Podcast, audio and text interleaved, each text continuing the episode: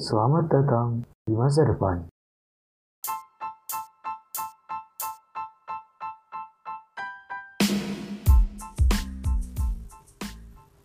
Hi there, saat ini kamu sedang berada di masa depan.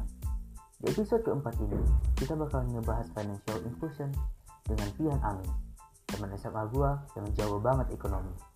Dia adalah lulusan ilmu ekonomi Universitas Indonesia dan juga master di bidang Behavioral Economics and Game Theory dari University van Amsterdam. Sekarang dia bekerja sebagai researcher di sebuah lembaga penelitian di Jakarta. Lo bisa dengerin obrolan kita di episode keempat ini. Enjoy!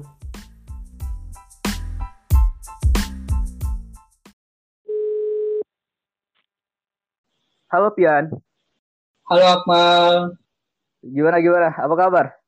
Baik baik, alhamdulillah. Gimana juga? Gua seperti biasa sedang mencari kerja. Lo sendiri sekarang di Jakarta ya? Ya di Jakarta, kesibukan di Lembaga Penyelidikan Ekonomi Masyarakat.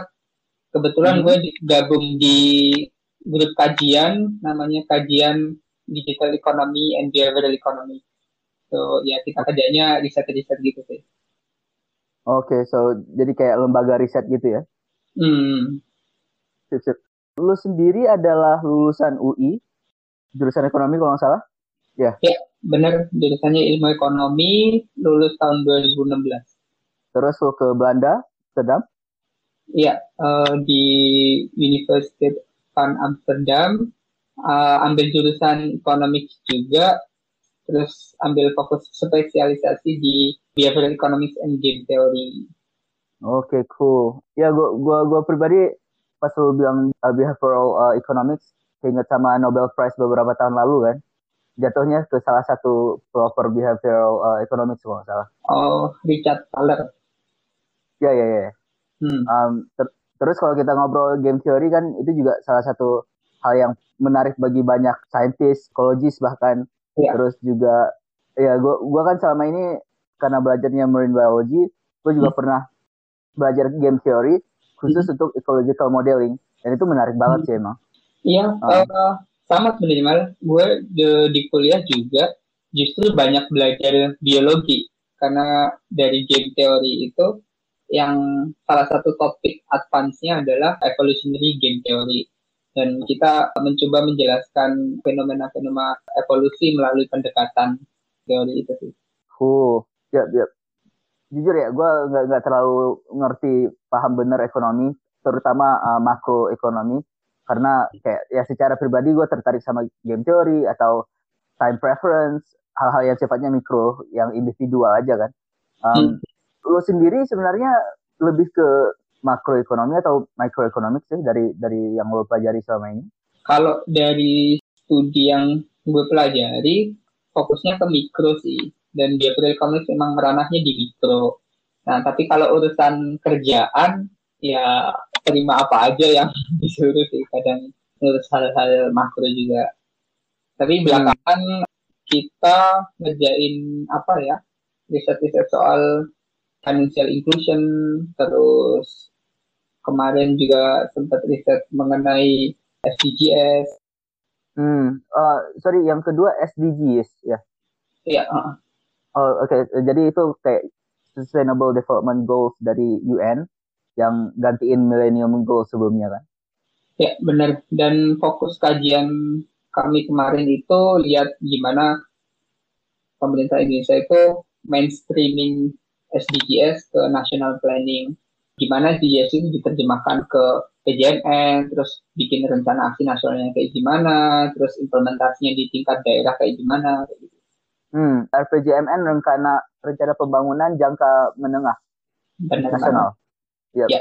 Ya, itu biasanya 5 10 tahunan kalau nggak salah ya. RPJMN lima tahun. Kalau Lima tahun. RP, RPJPN itu lebih panjang. Oke, oke. Gini, dari yang lo pelajari selama ini, sebenarnya masalah apa sih di Indonesia ya yang secara ekonomi kan kita sebenarnya tumbuh sehat kan ya, bisa dibilang. Hmm, kalau dari ekspektasi yang diinginkan sih, kita kan tumbuh 5% nih. Ini masih mestinya pengennya bisa lebih dari itu sih. Tapi ya dengan kondisi global yang uh, belakangan nggak certain terus emang lagi loyo ya mungkin lima persen itu kayak sosok. Hmm, oke okay, menarik. Soalnya bahkan di di negara berkembang di emerging economy sekalipun lima um, persen itu gede atau lumayan rendah sih? Ya kalau bicara gede kecil sih ini relatif ya dibandingnya ke mana. Tapi kita tuh dalam kondisi yang nggak pas gitu loh, mal. Kayak mestinya kan pasti pernah dengar kan kayak istilah bonus demografi lalalala.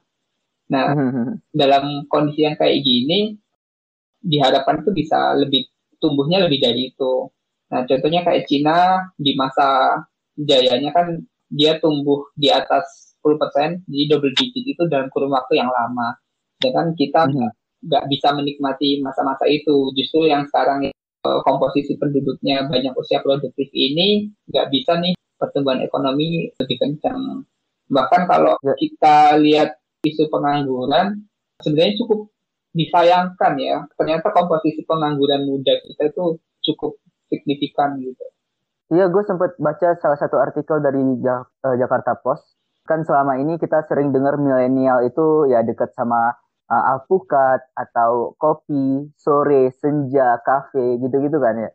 um, Padahal kalau kita tengok lagi data secara nasional itu mungkin hanya kurang dari kurang dari 10% kalau nggak salah milenial yang lulusan S1 kemudian juga masih banyak ternyata milenial apa yang seumuran kita uh, lahir sekitar tahun 85 sampai katakanlah 95 itu yang hanya lulus SD. Banyak kok. Kadang emang gini sih mal kita lihatnya bias di lingkungan sekitar gitu. Padahal ya kalau mau benar-benar tahu kondisi sebenarnya harus uh, ngulik data observasi dari pemerintah sih data survei gitu. Jadi mungkin ya karena kita berada di lingkungan bisa dibilang sebenarnya di top tier sih. Lo punya pendidikan yang tinggi dan sebagian besar teman-teman lo juga berada di lingkungan yang uh, berpendidikan. Dan mereka kan dengan pendidikan tinggi di tempat dari universitas ternama nyari kerja nggak sesusah mereka yang bahkan S1 aja eh, apa ya mungkin dengan kualitas yang nggak sebagus yang lo terima gitu kan. Hmm, iya iya juga sih kan kalau dipikir-pikir lagi kalau lu lulus S1 kemudian lu bekerja dan katakanlah sebelum umur 30 tahun gaji lo itu udah di atas dua kali UMR itu lo udah termasuk elit banget kan sebenarnya. Iya iya iya benar-benar walaupun kadang sambat sana sini ya tapi kalau dijadiin kita kelasin gitu berdasarkan pendapatan mungkin itu udah masuk minimal 20 persen teratas. Hmm, kayak top 20 persen. Iya. Menarik juga. Iya. Gue gue juga sempat lihat ini ini data data global mungkin nyambungnya agak-agak jauh sih. Tapi Mike Novogratz salah satu uh, investor dari US dia sempat mengungkapin data yang menarik banget menurut gue bahwa satu persen penduduk dunia top 1% penduduk dunia itu pendapatan rata-ratanya sekitar 400 juta rupiah per tahun. Hmm, hmm. Dan kalau kita pikir-pikir lagi nih, gua rasa orang-orang yang kita kenal yang udah lulus S1 yang bekerja itu sangat mungkin akan mencapai tingkatan itu dalam hidupnya gitu kan ya. Ya, kalau kita tarik forecast linear mungkin bisa ya. Ya, walaupun memang karir dan uh, gaji bisa jadi tumbuhnya bahkan eksponensial, tapi maksudnya kemungkinan bahwa katakanlah 50% dari social network lo dari jaringan tetangga, jaringan teman-teman lo itu adalah top 1% di dunia itu sangat mungkin banget di Jakarta atau kalau lo yang ya memang punya pendidikan kemudian bekerja di perusahaan-perusahaan tertentu atau di bidang-bidang tertentu yang memang menghasilkan gitu. Hmm. hmm, hmm. BTW hmm. kita jadi ngomongin makro ya sekarang. Jadi, oh, iya, iya. gue kira lo pengen uh, bahas-bahas soal itu.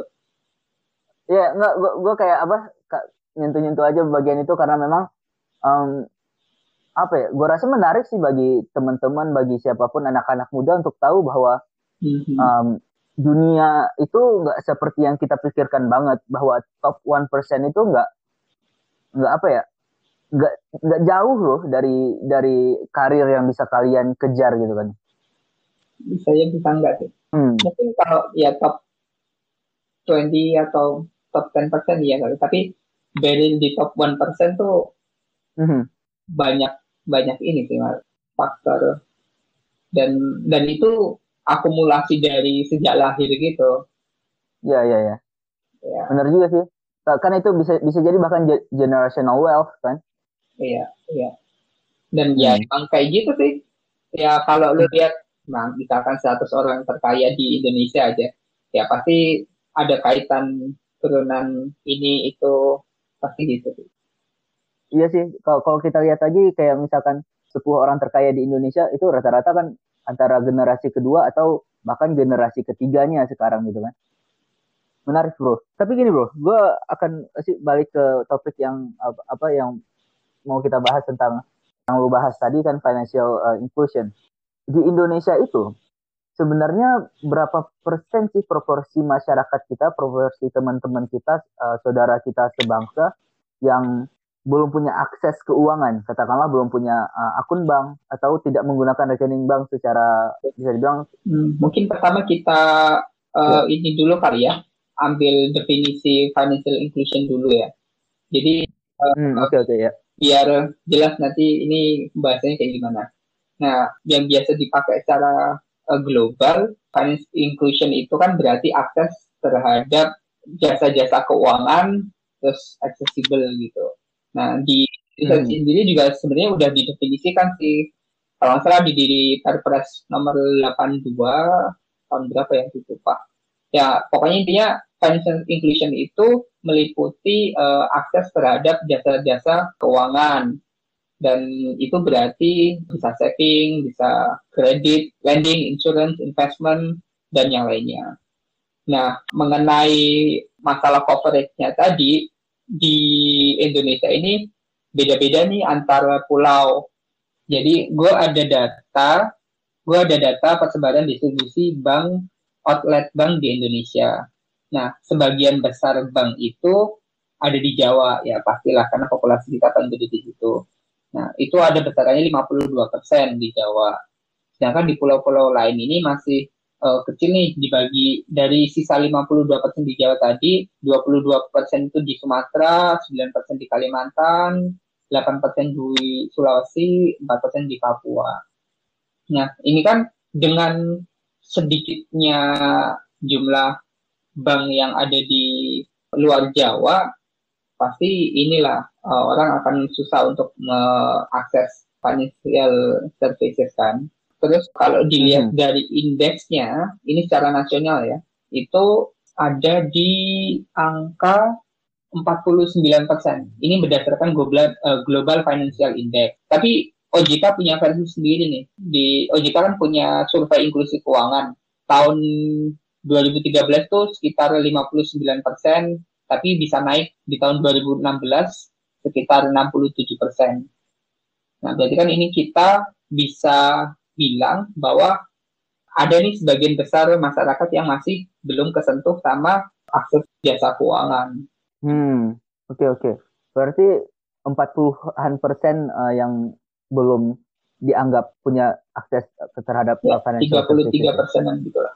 Oke, okay, 33 persen. Menarik. Dan gini sih, kan kayak lo bilang sebenarnya ada ada level tahapan yang berbeda. Dan kalau kita bilang financial services um, bahkan orang yang tinggal di Jakarta pun bisa jadi tidak me, tidak mengakses semua yang yang sebenarnya bisa diakses oleh mereka kan. Kayak asuransi, kemudian investment uh, baik melalui reksadana atau melalui bursa efek. Itu kan kayaknya hal yang jarang banget di Indonesia kan. Bahkan di di kota-kota jangan kan ke ini ya servis-servis yang advance kayak investasi lo tadi bilang sebut reksadana untuk yang saving aja itu masih banyak loh yang masyarakat kita yang unbank belum kesentuh sama bank. Hmm.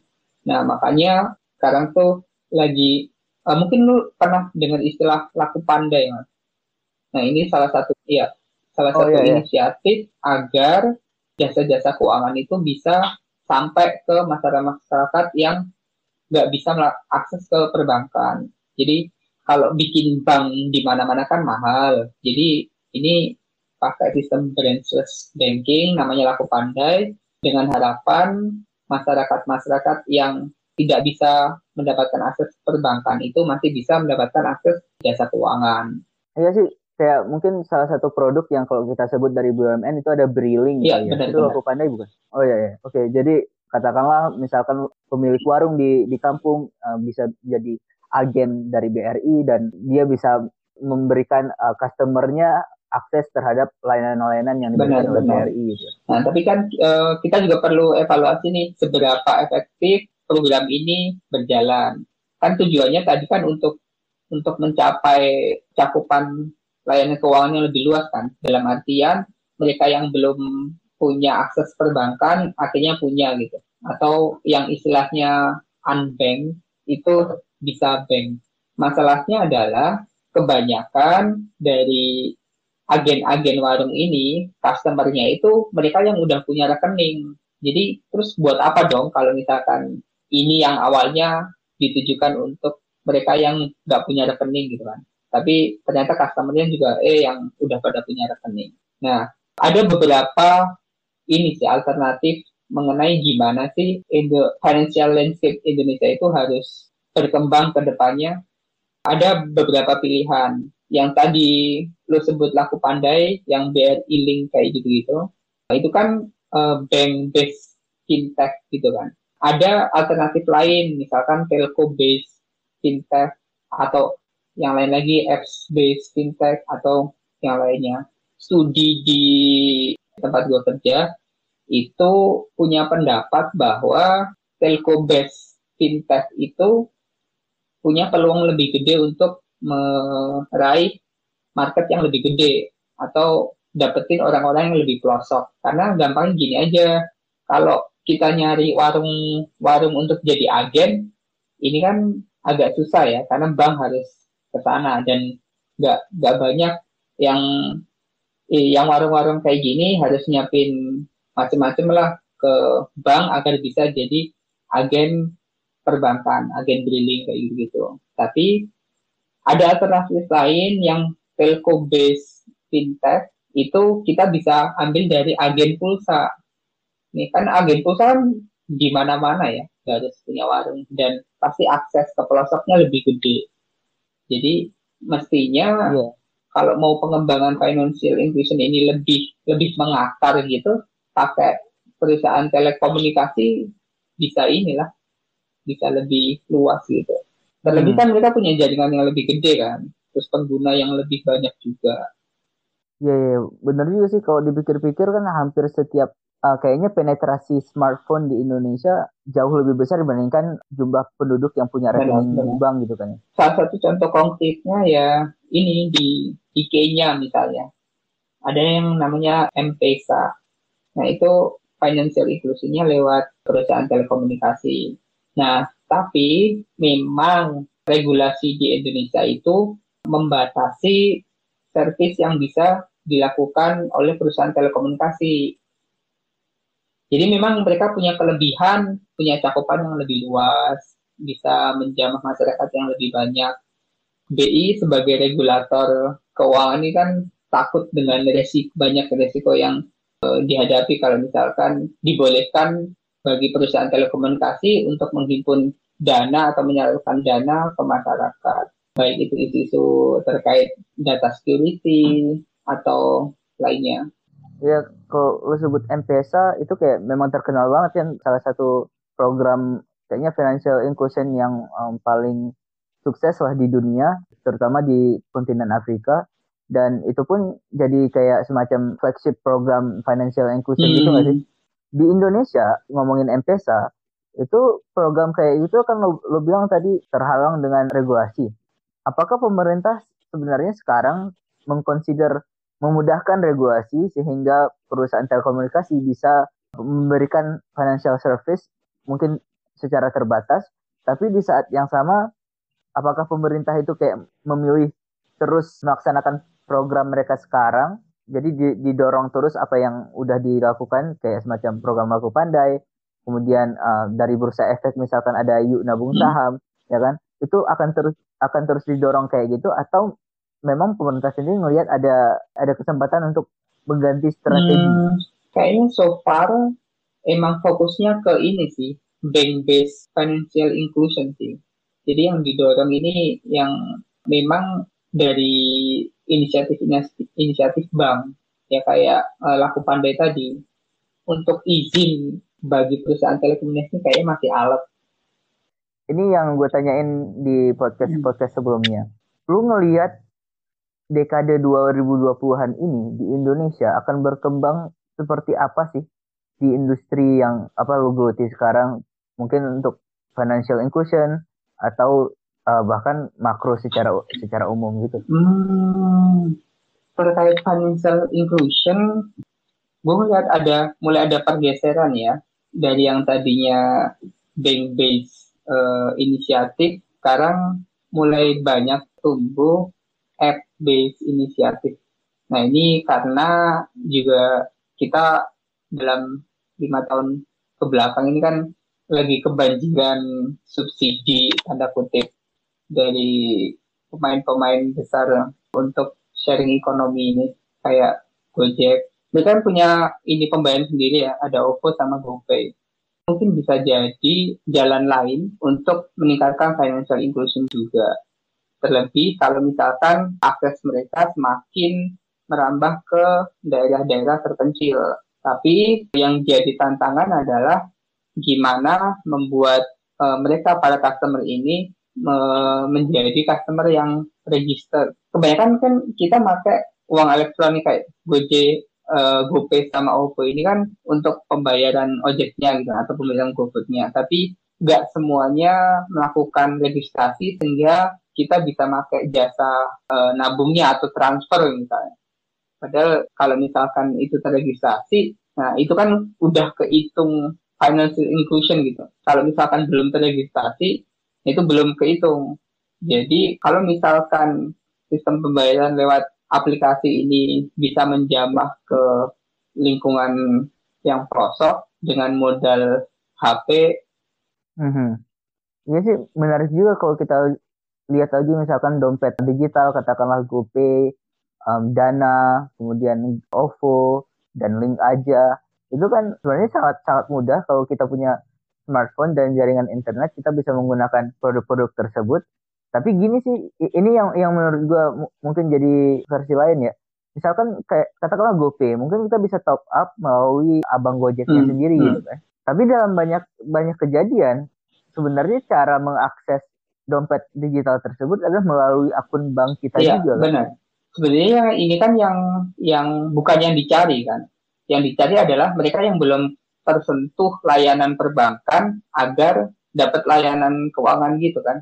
Ya, katakanlah gini misalkan ada seseorang di pedalaman Aceh yang belum punya akun rekening bank, tapi dia punya smartphone dan dia punya akses ke internet, dia bisa pakai link aja, kemudian katakanlah menerima bayaran melalui link aja atau mengirimkan apa mentransfer uang ke melalui link aja.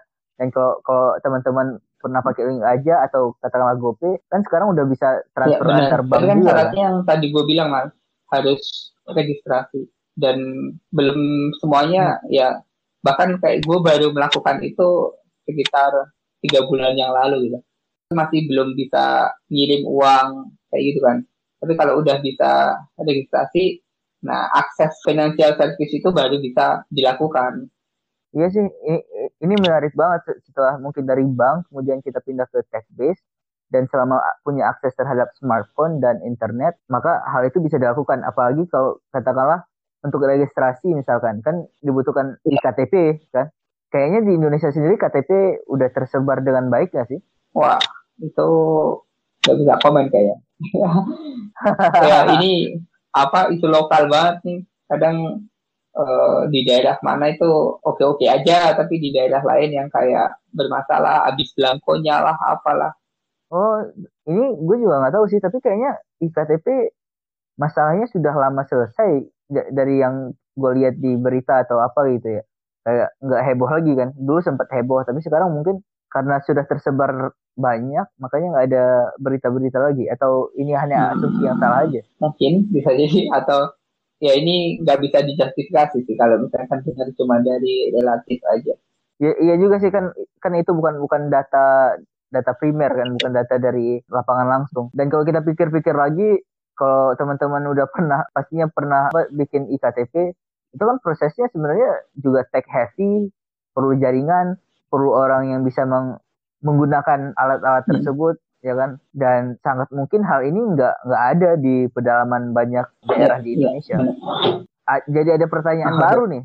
Kalau misalkan kita mau financial inclusion berarti kan registrasi penduduk itu jadi oh. penting banget kan? Iya benar-benar itu kayak necessary conditionnya lah. Hmm. dan, dan is istilahnya kalau nggak ada itu ya akhirnya registrasi nggak bisa juga daftar bank juga nggak bisa nah selain itu ini malah penting lagi adalah kan gini akses keuangan ini bisa meningkatkan taraf hidup masyarakat ini kan dari berbagai cara ya. Yang tadi mungkin kita bahkan baru kayak saving sama transfer. Lending sama kredit ini kan penting ya untuk misalkan masyarakat mau bikin usaha atau segala kegiatan yang mempermudahkan mereka untuk scale up ekonominya. Nah, tapi untuk mendapatkan kredit, pihak yang memberi kredit juga kan pengennya paham ya mereka itu worthy atau enggak uh, untuk diberi pinjaman. Caranya kan harus dengan mereka punya credit scoring. Terus dari mana nih uh, mereka bisa bikin scoring tersebut gitu? Hmm, kalau orangnya sendiri memang nggak punya registrasi nasional, katakanlah jangankan kredit scoring, KTP aja nggak ada gitu kan, ya. Bahkan kalaupun punya KTP belum tentu kan kita bisa menganalisis oh nih orang ini bakal gagal bayar atau enggak gitu. Tadi kan gue sebut salah satu alternatif mengembangkan financial inclusion kan melalui telekomunikasi ya. Sebenarnya punya data yang bagus untuk bisa mengembangkan credit scoring. Salah satunya itu dari pola pembayaran pulsa atau pola transaksi pulsa itu sih kayak pola nelpon, pola SMS, terus pola ngisinya gimana. Itu kan bisa dibuat datanya bisa dipakai untuk credit scoring. Nah, tapi kalau bank based financial inclusion, nah mereka kan nggak punya data yang reliable untuk bisa membuat credit scoring itu kan. Menarik sih kalau lo menggunakan pola pembayaran pulsa untuk melihat ya uh, apa credit scoring dan misalnya uh, resiko resiko untuk meminjamkan uang kepada pihak-pihak tersebut dan kepada para apa masyarakat yang selama ini belum punya akses terhadap uh, kredit. Kalau lu pernah lihat pembicaraannya Nadiem Makarim, Mas Menteri sekarang, tapi tahun lalu kalau nggak salah di Davos di World, World uh, Economic Forum dia sempat juga ngobrol tentang ini kan kayak memberikan kredit terhadap uh, masyarakat. Konteks saat itu sih gue mikirnya apakah tech base katakanlah semacam GoPay, link aja itu mungkin nggak sih mereka meluncurkan atau mengeluarkan produk kredit kepada kayak mikro kredit kepada masyarakat. Karena kalau dipikir-pikir lagi ya link aja kan itu salah satu salah satu itunya Telkomsel gitu kan. Kemudian GoPay juga punya banyak data dari penggunaan Gojek itu iya. sendiri. Ya, ya itu balik lagi ke tadi cuma regulasi yang mau di bentuk pemerintah kayak gimana mau nggak ini ngasih jasa keuangan dibolehkan untuk diberlakukan di yang tadi app based inisiatif hmm. nah kan kayak menarik, gini menarik. kadang Terus gini ya oh. lebih mana nih yang paling kuat ada isu-isu kayak gitu juga terus ada isu terkait data security bisa aja kan data-data yang didapat dari mereka ini bocor ke mana pihak ketiga yang memang bisa memanfaatkan untuk hal-hal yang gak baik kayak gitu. Iya juga sih, walaupun gue pribadi ngeliat lagi kayaknya gue lebih percaya data gue di Gojek dibandingkan katakanlah sama pemerintah. ya kan kalau dipikir-pikir karena memang ya Gojek sendiri bergerak di bidang itu dan mereka mungkin akan menghabiskan lebih banyak resource untuk menjamin keamanan gitu kan. Karena mereka memang tech based dari awal. Sedangkan pemerintah sendiri mungkin resource yang dikeluarkan untuk keamanan data itu jauh lebih kecil dibandingkan resource untuk mengumpulkan hmm. data gitu kan ya. Gue kayak berpikir kayak gitu aja sih. Kan ini kayak insentif. Kalau kita lihat game theory kan insentif itu sangat sangat penting yeah, di yeah. dalam sebuah permainan. Kalau kita pikir-pikir lagi nih ke depannya Indonesia itu kan sekarang mungkin baru, baru di tahap awal bonus demografi. Dan kalau tidak dimanfaatkan secara baik bonus demografi ini bisa jadi bahkan menjadi masalah sebenarnya kan kok banyak masyarakat yang belum punya akses terhadap financial service jasa keuangan.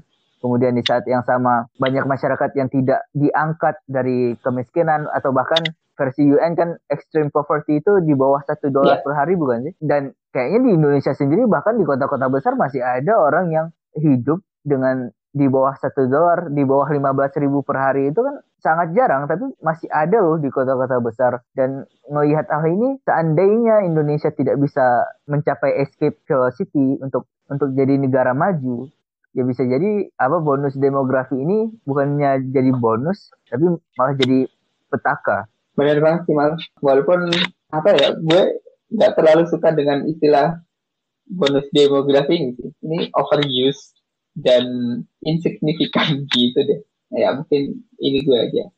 Karena kayak dari dulu terlalu digembar-gemborkan sebagai sebuah kemungkinan bahwa kita akan bisa lepas landas gitu kan. Tapi kayaknya mm -hmm. tidak demikian. Dan dan gini sih, gue gue kayak kalau kita lihat negara dengan penduduk besar dan berkembang dengan baik itu kan China. Dan mereka sendiri sebenarnya tumbuh dengan sangat cepat. Tapi bisa bisa dibilang juga sampai sekarang pun kan masalah di sana juga nggak selesai-selesai gitu. Misalnya kan tetap ada aja jumlah masyarakat yang secara signifikan tidak berhasil diangkat dari kemiskinan. Walaupun memang harus diakui pemerintah China telah mengangkat ratusan juta uh, manusia dari extreme poverty ke katakanlah middle class. Tapi tetap aja masih ada ratusan juta juga yang masih di bawah poverty line. Tapi gitu. effort untuk ngangkat sisa-sisa itu lebih gede sih mal. Jadi let's say dari misalkan ya, kan Indonesia punya garis kemiskinan sendiri. Untuk nurunin kemiskinan dari 15% ke 11% itu lebih mudah dibanding nurunin dari 11% ke 9%. Kan. Jadi kayak semakin uh, kecil persentase kemiskinan itu lebih susah lagi karena mungkin kemiskinannya lebih plural gitu. Jadi memang ada sistem yang membuat kemiskinan tersebut kayak misal bapak gue miskin, terus gue sebagai anak akhirnya harus bekerja, nggak bisa mengenyam pendidikan yang layak. Nah, gara-gara gue bekerja ini, kan gue nggak bisa sekolah, terus nantinya gue nggak bakal bisa punya pekerjaan yang layak. Ya, jadi gue miskin lagi kan gue miskin lagi dan gue nggak punya karena tadi nggak punya pendidikan yang bagus gue nggak punya perencanaan keluarga yang baik.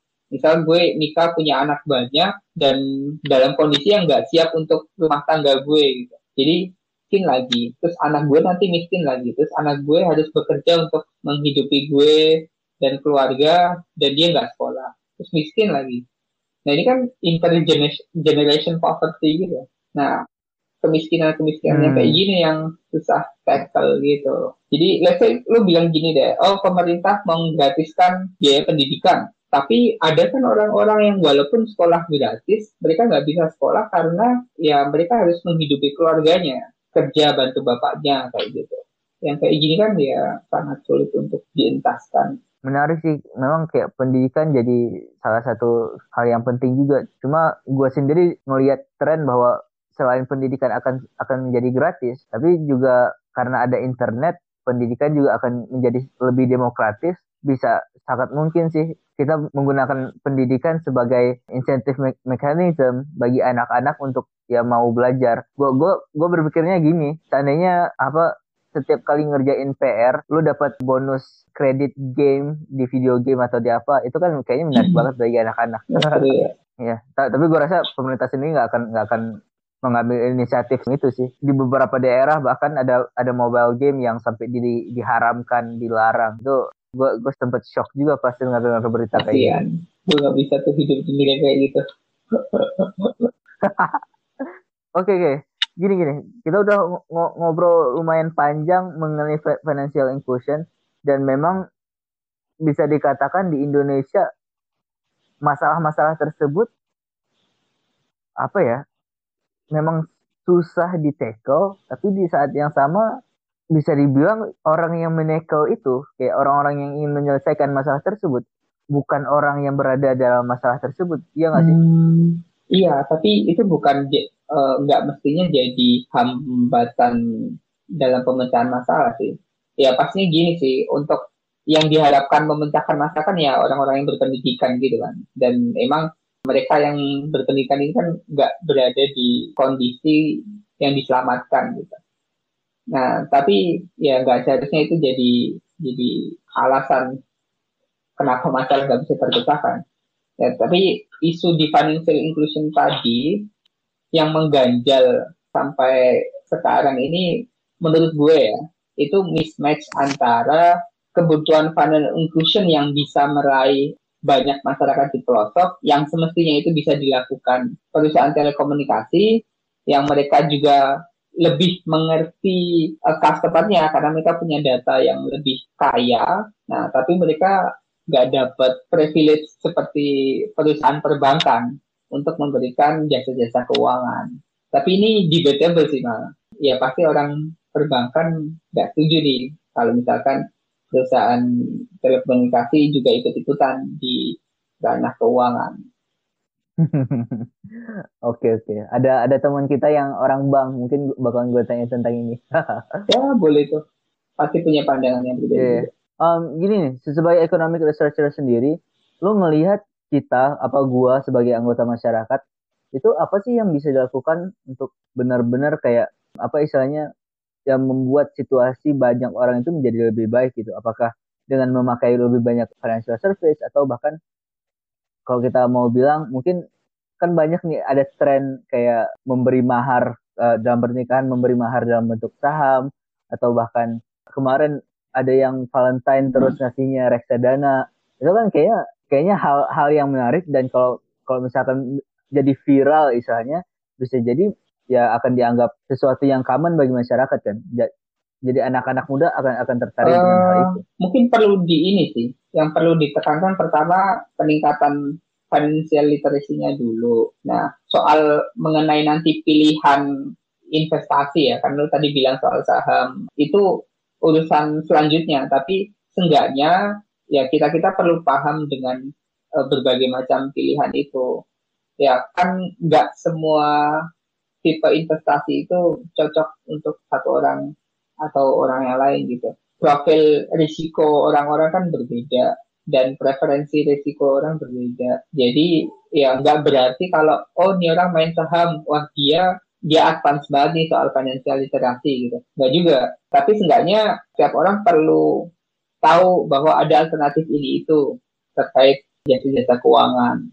Ya, kalaupun at the end lo ujungnya pengen investasi ternak lele, ya nggak apa-apa. Kalau memang itu bisa cuan lebih gede atau misalkan lu pengen yang agak stabil, ya terserah kan tergantung preferensi masing-masing. Tapi seenggaknya tahu dulu lah Iya, iya juga ya. Sebenarnya kan kalau kita pikir-pikir lagi financial inclusion itu adalah bagian dari financial literasi. Dalam artian semakin tinggi financial literasi lo, pastinya lo akan jadi apa menggunakan produk financial Dan, uh, juga. Uh, ya? Lo ngerasa aneh banget gak sih dengan beberapa kasus belakangan ini yang orang masih percaya dengan banyak investasi bodong-bodong gak jelas gitu? Kayak lo dengar email nggak? Email? Atau oh, iya ini ya ki, ya, ya. ki siapa itu yang menggandakan uang ya gimana ya masih banyak gitu loh orang percaya dengan hal-hal yang seperti itu gitu dan itu kan nunjukin bahwa ya financial literasinya masih hmm. Oke oke. Berarti masyarakat teman-teman ini ya hal yang bisa kita lakukan adalah pertama belajar tentang finansial itu sendiri kan? Untuk diri sendiri untuk keluarga kita sendiri. Dan mudah-mudahan hal ini akan membuat situasi terutama financial inclusion untuk uh, untuk di sekeliling kita jadi yeah. lebih baik gitu kan? Lu sendiri ngeliat gini ini pertanyaan yang pernah gue tanyain di podcast podcast lain juga uh, katakanlah tahunnya 2045 mm -hmm. oke okay? Indonesia ulang tahun yang ke 100 mm -hmm.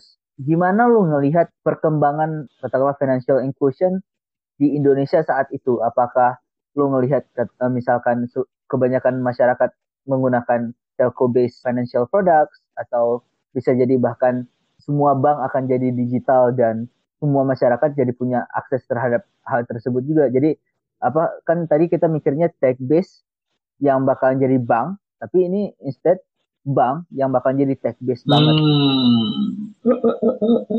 Gimana ya?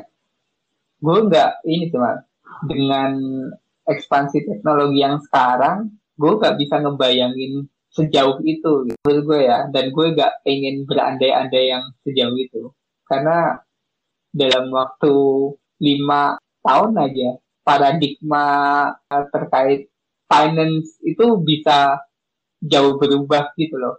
Ya siapa yang nyangka dulu lima tahun yang lalu bakal bisa pakai jasa keuangan kayak sekarang. Kita punya imani e-wallet segala macam gitu. Dan bahkan mungkin dalam lima tahun ke depan ini bakal banyak inovasi yang lebih gila lagi.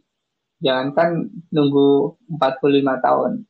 Nah tapi takutnya inovasi yang gila-gilaan ini cuma dirasakan di sekitar kita aja sedangkan mereka yang nggak terjamah financial inclusion atau finance dari lama ini nggak dapat nggak kebayang aja sih Hmm. nanti kayak gimana Ya, jadi menurut lo sangat mungkin bahwa perkembangan teknologi keuangan ini hanya akan menguntungkan orang-orang yang sekarang sudah punya akses terhadap keuangan dan meninggalkan orang-orang yang belum punya akses keuangan tersebut. Walaupun sebagai anak muda lebih optimis juga dalam artian banyak perusahaan ini kan perusahaan yang memang for profit dan mereka mengejar keuntungan.